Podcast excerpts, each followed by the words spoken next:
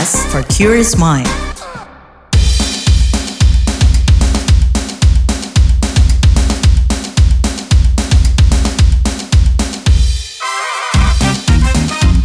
What's Trending KPR Pagi, siaran pagi radio paling update.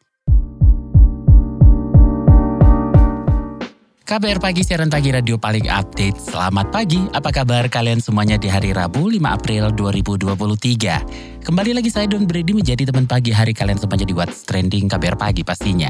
Jadi pembatalan Indonesia menjadi tuan rumah Piala Dunia U20 itu masih jadi pembicaraan lanjutan. Presiden Joko Widodo belakangan mengaku proses Indonesia menjadi tuan rumah sangat sulit. Beberapa hari setelah FIFA mencoret Indonesia sebagai tuan rumah Piala Dunia U20. Jokowi menjelaskan upaya yang telah dilakukan untuk menjadikan Indonesia tuan rumah. Kata dia, puluhan negara mengajukan hingga kemudian Indonesia yang terpilih setelah mengajukan serangkaian lobby dan menyiapkan infrastruktur serta fasilitas. Ia juga mengatakan proses Indonesia menjadi tuan rumah memakan waktu yang lama, termasuk tiga tahun menyiapkan lapangan. Selain itu, beberapa kepala daerah juga sudah menandatangani komitmen sebagai tuan rumah. FIFA pekan lalu mencoret Indonesia sebagai tuan rumah Piala Dunia U20 tahun ini. FIFA tidak menjelaskan secara spesifik alasan pencoretan itu, namun keputusan itu diambil setelah Gubernur Bali dan Gubernur Jawa Tengah menolak timnas Israel ikut dalam turnamen itu. Sekarang sektor-sektor yang terdampak situasi ini berupaya menghitung potensi kerugiannya. Salah satunya adalah sektor pariwisata. Nah, kita mau bahas soal ini lebih lanjut, tapi seperti biasa kita dengar dulu komentar warganet plus 62 berikut ini. Dum dum dum dum dum dum dum dum dum dum dum dum dum dum Pertama akun Jokowi, saya juga merasakan kekecewaan yang sama dengan masyarakat mengenai batalnya Piala Dunia U20 di Indonesia. Namun kita tidak boleh larut dalam kekecewaan ini, apalagi menghabiskan energi untuk saling menyalahkan. Sebagai bangsa yang besar kita harus melihat ke depan. At Denny XX, begitu besar kerugian yang harus ditanggung dengan batalnya perhelatan Piala Dunia U20 di Indonesia. Dan nasi telah menjadi bubur, kita hanya bisa berdoa tidak memberikan sanksi berat. At Keladi XX, Piala Dunia ini bukan cuma soal prestasi saja, tapi ini akan berdampak pada perekonomian dan pariwisata. Saya yakin banyak masyarakat kita ikut mengais rezeki dari sini. Event MotoGP dan Formula E juga nggak ada dampak positifnya di prestasi atlet, tapi itu bisa dijadikan sarana promosi negara kita. At Hapus XX, ini kan cuma U20 penonton banyak kan juga dari lokal. Beda sama Pildun beneran, gak ada uang masuk besar dari LN karena U20. Jangan kayak swasembada beras tapi impor 2 juta ton. Hehe. At Alex Soleh XX, oknum yang membuat batal Pidun U20 lebih mementingkan politik daripada ekonomi rakyat terlalu.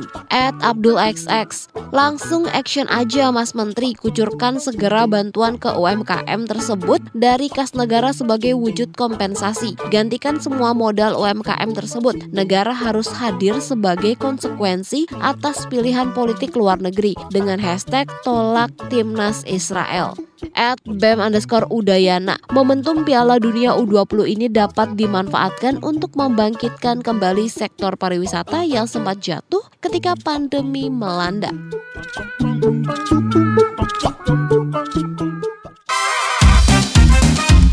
What's Trending KPR Pagi, siaran pagi radio paling update. Kita lanjutkan obrolan kita pagi ini. Jadi Menteri Pemuda dan Olahraga Dito Aryo Tejo yang baru saja dilantik mengklaim akan memastikan ke depannya event-event internasional yang diselenggarakan di Indonesia akan berjalan maksimal. Berikut pernyataannya saat keterangan persnya 3 April 2023. Pengalaman kemarin U20 Israel ya pasti mulai per hari ini saya akan coba bicara ke seluruh stakeholder yang ada. Ya semoga kita bisa memastikan kelancaran jalannya dan juga menimbulkan titik temu lah ya mungkin karena kita anak muda semua kita temuin. Saya sesuai dengan apa yang sudah dibicarakan Pak Presiden bahwa harus dipisahkan kedua hal itu walaupun hal ini adalah suatu kompleksitasnya tinggi ya. Tapi memang kita akan usahakan yang terbaik. Pengetahuan saya mengkomunikasi dengan Ketum PSSI Pak Erick Thohir, sekarang lobby-lobby dan juga diskusi masih dijalankan. Yang pasti pemerintah dengan tupoksi dan kemenangannya pasti kita selalu support dari apa yang dilakukan Ketua Umum PSSI. Sebelumnya, Menteri Pariwisata dan Ekonomi Kreatif Sandiaga Uno menaksirkan kerugian akibat gagalnya Indonesia jadi tuan rumah Piala Dunia U20 mencapai 3,7 triliun. Kerugian ini tidak hanya dari segi kedatangan para kontingen atau promosi di ajang tersebut, tapi kerugian ini juga datang dari besarnya biaya yang dikeluarkan pemerintah untuk merenovasi sejumlah stadion oleh Kementerian PUPR. Ini dia penuturan selengkapnya dari Menparekraf Sandiaga Uno. Kita sedang mengkaji dan sudah keluar hasil kajian awal di mana venue-venue tersebut sudah direnovasi beberapa tahun terakhir oleh PUPR, oleh Kemenpora. Ini jumlahnya di atas 500 miliar lebih. Sementara target kunjungan wisatawan mancanegara yang terdampak langsung sekitar 1.500 tapi kalau ada supporter dari negara lain itu kita kalikan 50 saja bisa di atas 50 ribu. Dan target pendapatan berbasis jumlah penonton yang sekitar 2 juta dalam pertandingan-pertandingan yang sudah disusun di enam kota itu total lebih dari 2 juta penonton 2,3 juta penonton dan minimal minimal dampaknya itu mencapai 3,7 triliun dan ini kerugian yang sangat besar tapi yang lebih besar lagi kerugiannya adalah harapan kita untuk mewujudkan mimpi-mimpi anak muda kita menjadi bagian daripada perhelatan ajang sepak bola yang boleh dibilang mirip-mirip sama ajang FIFA World Cup di Qatar. Jadi itu satu. Yang kedua reputasi Indonesia sebagai penyelenggara event-event berkelas dunia. Karena kita akan terus mengundang event-event berkelas dunia termasuk musik, termasuk konser-konser yang uh, akan kita gelar dan kita akan mengundang juga mais di berbagai bidang. Uh, itu citra dan reputasi Indonesia sebagai destinasi unggulan itu yang harus kita jaga jangan sampai juga terdampak. Sementara Kepala Dinas Pariwisata DIY Singgi Raharjo menyebut penyelenggaraan Piala Dunia U20 sebenarnya bisa mendatangkan limpahan wisatawan dari berbagai daerah ke Yogyakarta. Terlebih kota Solo, Jawa Tengah yang letaknya tak jauh dari DIY menjadi salah satu tempat penyelenggara gelaran sepak bola bergengsi dunia tersebut. Ia pun menyayangkan batalnya Indonesia jadi tuan rumah Piala Dunia U20. Ini dia penuturannya. Ya, saya kira hmm, sangat disayangkan ya persiapan sudah begitu panjang gitu ya. Biaya juga dan di sektor pariwisata tentu sudah siap-siap juga karena itu bagian dari aktivitas pariwisata juga. Khususnya untuk Yogyakarta karena venue yang digunakan adalah Solo, pasti Yogyakarta akan mendapat limpahan dari para supporter, para uh, pemain mungkin bahkan juga para uh, wisatawan yang memang membuat jadwalnya sesuai dengan acara perhelatan sepak bola 20. Tetapi kalau kita kemudian bicara kekecewaan, saya kira nggak ada habisnya karena ini sudah terjadi. Yang penting adalah kita kemudian harus terus mengupayakan sebagai venue perhelatan-perhelatan internasional karena itu bagian dari promosi kita, baik itu destinasi wisata maupun ekonomi kreatif. Ya harapan kami tidak kemudian dampaknya akan meluas ke cabur yang lain atau aktivitas yang lain. Saya kira pemerintah dalam hal ini adalah PSSI dan seluruh masyarakat harus melakukan evaluasi. Kalau kemarin dari FIFA kan karena kasus sepak bola yang ada di Jawa Timur itu ya. Nah tentu ini juga menjadi bagian evaluasi yang sangat penting. Tidak hanya dari sisi sepak bolanya tapi masyarakat juga. Budaya bagaimana kita menghargai sportivitasnya juga ya. Dan kita akan menjadi tuan rumah untuk seluruh aktivitas baik itu sport maupun budaya, event musik dan sebagainya. Tentu dengan situasi dan kondisi aman, nyaman, saya kira para wisatawan pasti juga akan datang.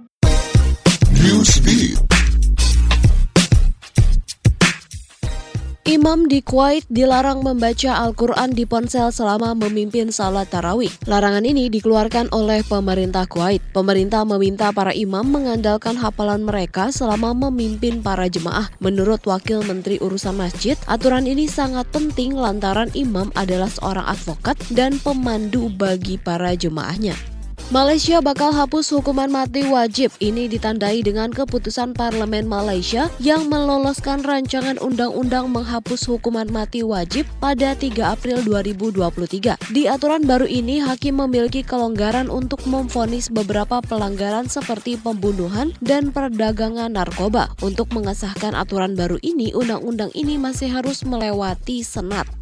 Lagu solo dari Jisoo Blackpink, Flower berhasil memuncaki tangga lagu iTunes di 60 negara. Lagu yang dirilis pada 31 Maret 2023 itu diketahui mendapatkan respon positif dari para penggemarnya. Jisoo juga dikabarkan mendapatkan banyak dukungan dari ketiga member Blackpink lainnya. Jennie, Rose, dan Lisa mengungkapkan kekaguman dan kebanggaan terhadap member tertua Blackpink tersebut sebab Jisoo berhasil merilis album Me selama masa masa tur dari Blackpink. Untuk merayakan debut solonya, Jisoo pun membagikan lip balm Dior seharga Rp635.000 kepada para penggemarnya.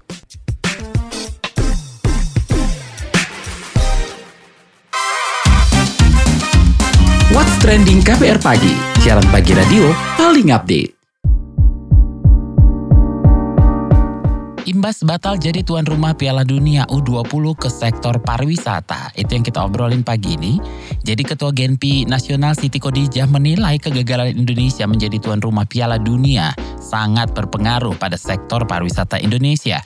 Tidak hanya kerugian materi terkait persiapan infrastruktur, menurut Siti ada kerugian lainnya yang tidak kalah merugikan tanah air, khususnya soal trust issue. Langsung saja kita obrolin persoalan ini dengan Ketua Genpi Nasional Siti Kodijah. Oke, okay, Menparekraf kan menyebut kerugiannya senilai 3,7 triliun akibat dibatalnya penyelenggaraan Piala Dunia U20 di Indonesia. Sebetulnya kerugiannya ini di sektor apa saja? Sebetulnya kita memang mengalami kerugian yang sangat signifikan dalam hal ini. Kerugian ini pendekatannya ada beberapa pendekatan. Yang pertama adalah tentu adalah pendekatan ekonomi. Karena kita memiliki potensi uh, kedatangan wisatawan mancanegara dari para delegasi dan juga para supporter mereka. Itu yang pertama. Dari dilihat dari kunjungan, yang tentu ini juga akan mengakibatkan kerugian di beberapa sektor. Sektor transportasi, sektor perhotelan, akomodasi, lalu juga di sektor belanja ekonomi lainnya, UMKM dan sebagainya. Tentu kalau detail dari angka sampai hari ini kan juga masih belum bisa dirilis ya, tetapi ada cancel booking yang sudah dilakukan oleh para delegasi terkait dengan akomodasi bukan hanya di Bali tetapi di beberapa kota juga. Lalu yang selanjutnya ini mengaktualisasi pada sektor transportasi juga begitu. Nah, transportasi di mana selain cancel booking ini juga traffic wisatawannya kan menjadi jadi tidak ada yang semula dikatakan bahwa ini akan ada banyak kunjungan yang datang begitu. Yang paling membuat membuat sedih sebenarnya adalah dari sektor UMKM ya karena banyak UMKM yang sudah berinisiatif untuk membuat merchandise terkait dengan U20 ini begitu. Dan kerugian itu mereka mau jual ke mana barang-barang yang sudah mereka buat. Sampai kemarin kan ada beberapa media yang mengulas tentang bagaimana nasib UMKM yang sudah melakukan produksi merchandise U20 begitu. Bahkan ada gerak sempat ada gerakan juga untuk tetap membeli sebagai apresiasi terhadap UMKM. Nah, gagalnya terselenggaranya event internasional ini apa berdampak juga ke imaterial seperti citra yang telah terbangun?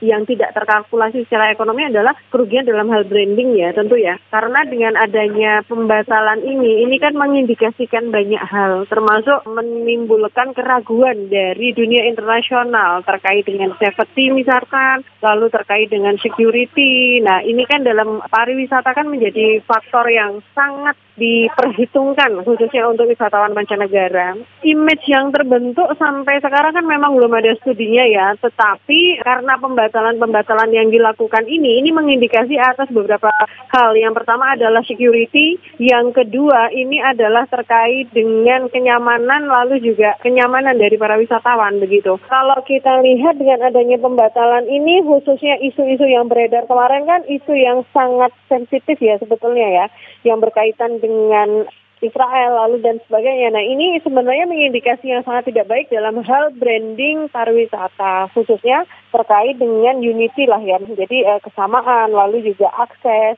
lalu juga uh, diskriminasi bagi mereka dan sebagainya. Nah ini uh, cukup mengganggu kalau kita bicara tentang keterbukaan terhadap dunia internasional gitu. Emang pengaruh event-event internasional ke sektor pariwisata itu seperti apa? Jadi kalau dibilang seberapa penting, tentu event internasional ini menjadi satu indikator yang ketika kita dipilih sebagai tuan rumah itu berarti kita dianggap mampu, dianggap bisa, lalu dianggap juga lolos dari seleksi ya.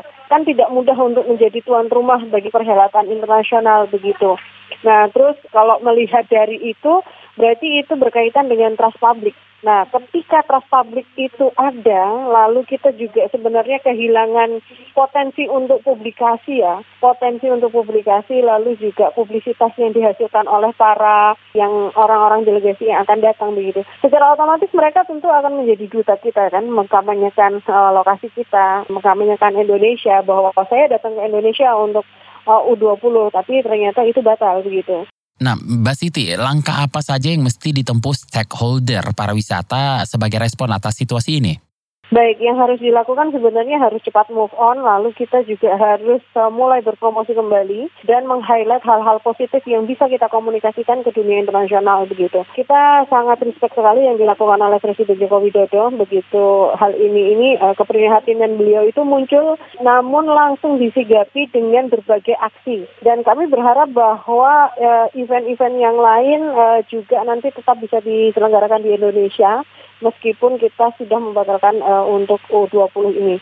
Nah, kita tetap harus berpromosi, lalu juga melakukan berbagai uh, sales mission tentu juga akan memberikan pengaruh dan dampak positif. Dan kita juga harus bisa menunjukkan kepada dunia internasional terkait dengan stabilitas, keamanan, dan juga safety yang ada di Indonesia, bahwa kita juga layak untuk menjadi tuan rumah dari berbagai perhelatan event internasional. Terima kasih Ketua Genpi Nasional Siti Kodijah.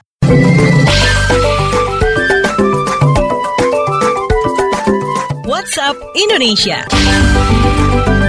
WhatsApp Indonesia dimulai dari Jakarta. PT Jasa Marga Persero Tbk memprediksi puncak arus mudik Idul Fitri 1444 Hijriah akan terjadi pada Rabu 19 April 2023 atau Hamin 3 Lebaran. Untuk mengantisipasi kondisi tersebut, Jasa Raharja bakal menambah jalur dengan sistem rekayasa atau kontraflow guna mengurai kepadatan di jalan tol. Direktur Utama PT Jasa Marga Tol Road Operation, Yoga Tri Anggoro mengatakan penambahan satu jalur dengan skema kontraflow dilakukan dengan memperhitungkan prediksi volume kendaraan yang bakal melintasi jalan tol. Yoga menyebut tidak menutup kemungkinan jasa marga akan memperlakukan sistem satu arah atau one way jika memang diperlukan. Jasa marga memprediksi sebanyak 138 ribu unit kendaraan pada 19 April akan memadati jalan tol Jakarta Cikampek. Masih dari Jakarta, Kementerian Pariwisata dan Ekonomi Kreatif Kemenparekraf menargetkan 1,4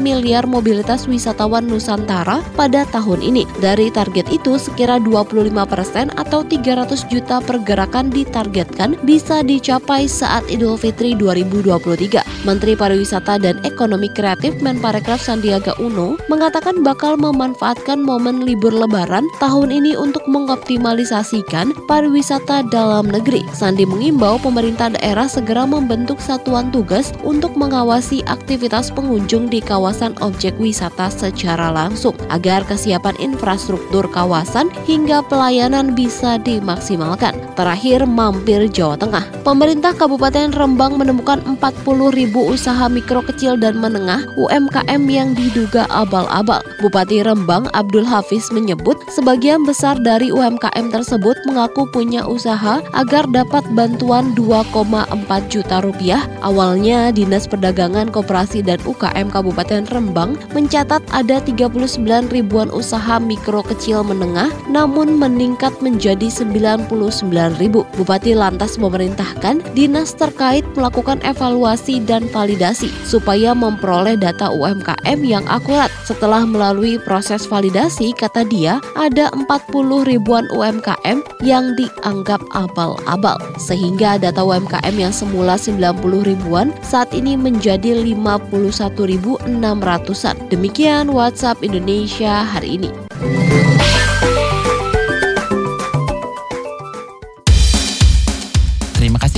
Mendengarkan What's Trending KBR Pagi, jangan lupa dengarkan terus podcast What's Trending di kbrprime.id dan di aplikasi mendengarkan podcast lainnya. Don Brady pamit, besok kita ketemu lagi. Stay safe. Bye-bye. What's Trending KBR Pagi, siaran pagi radio paling update.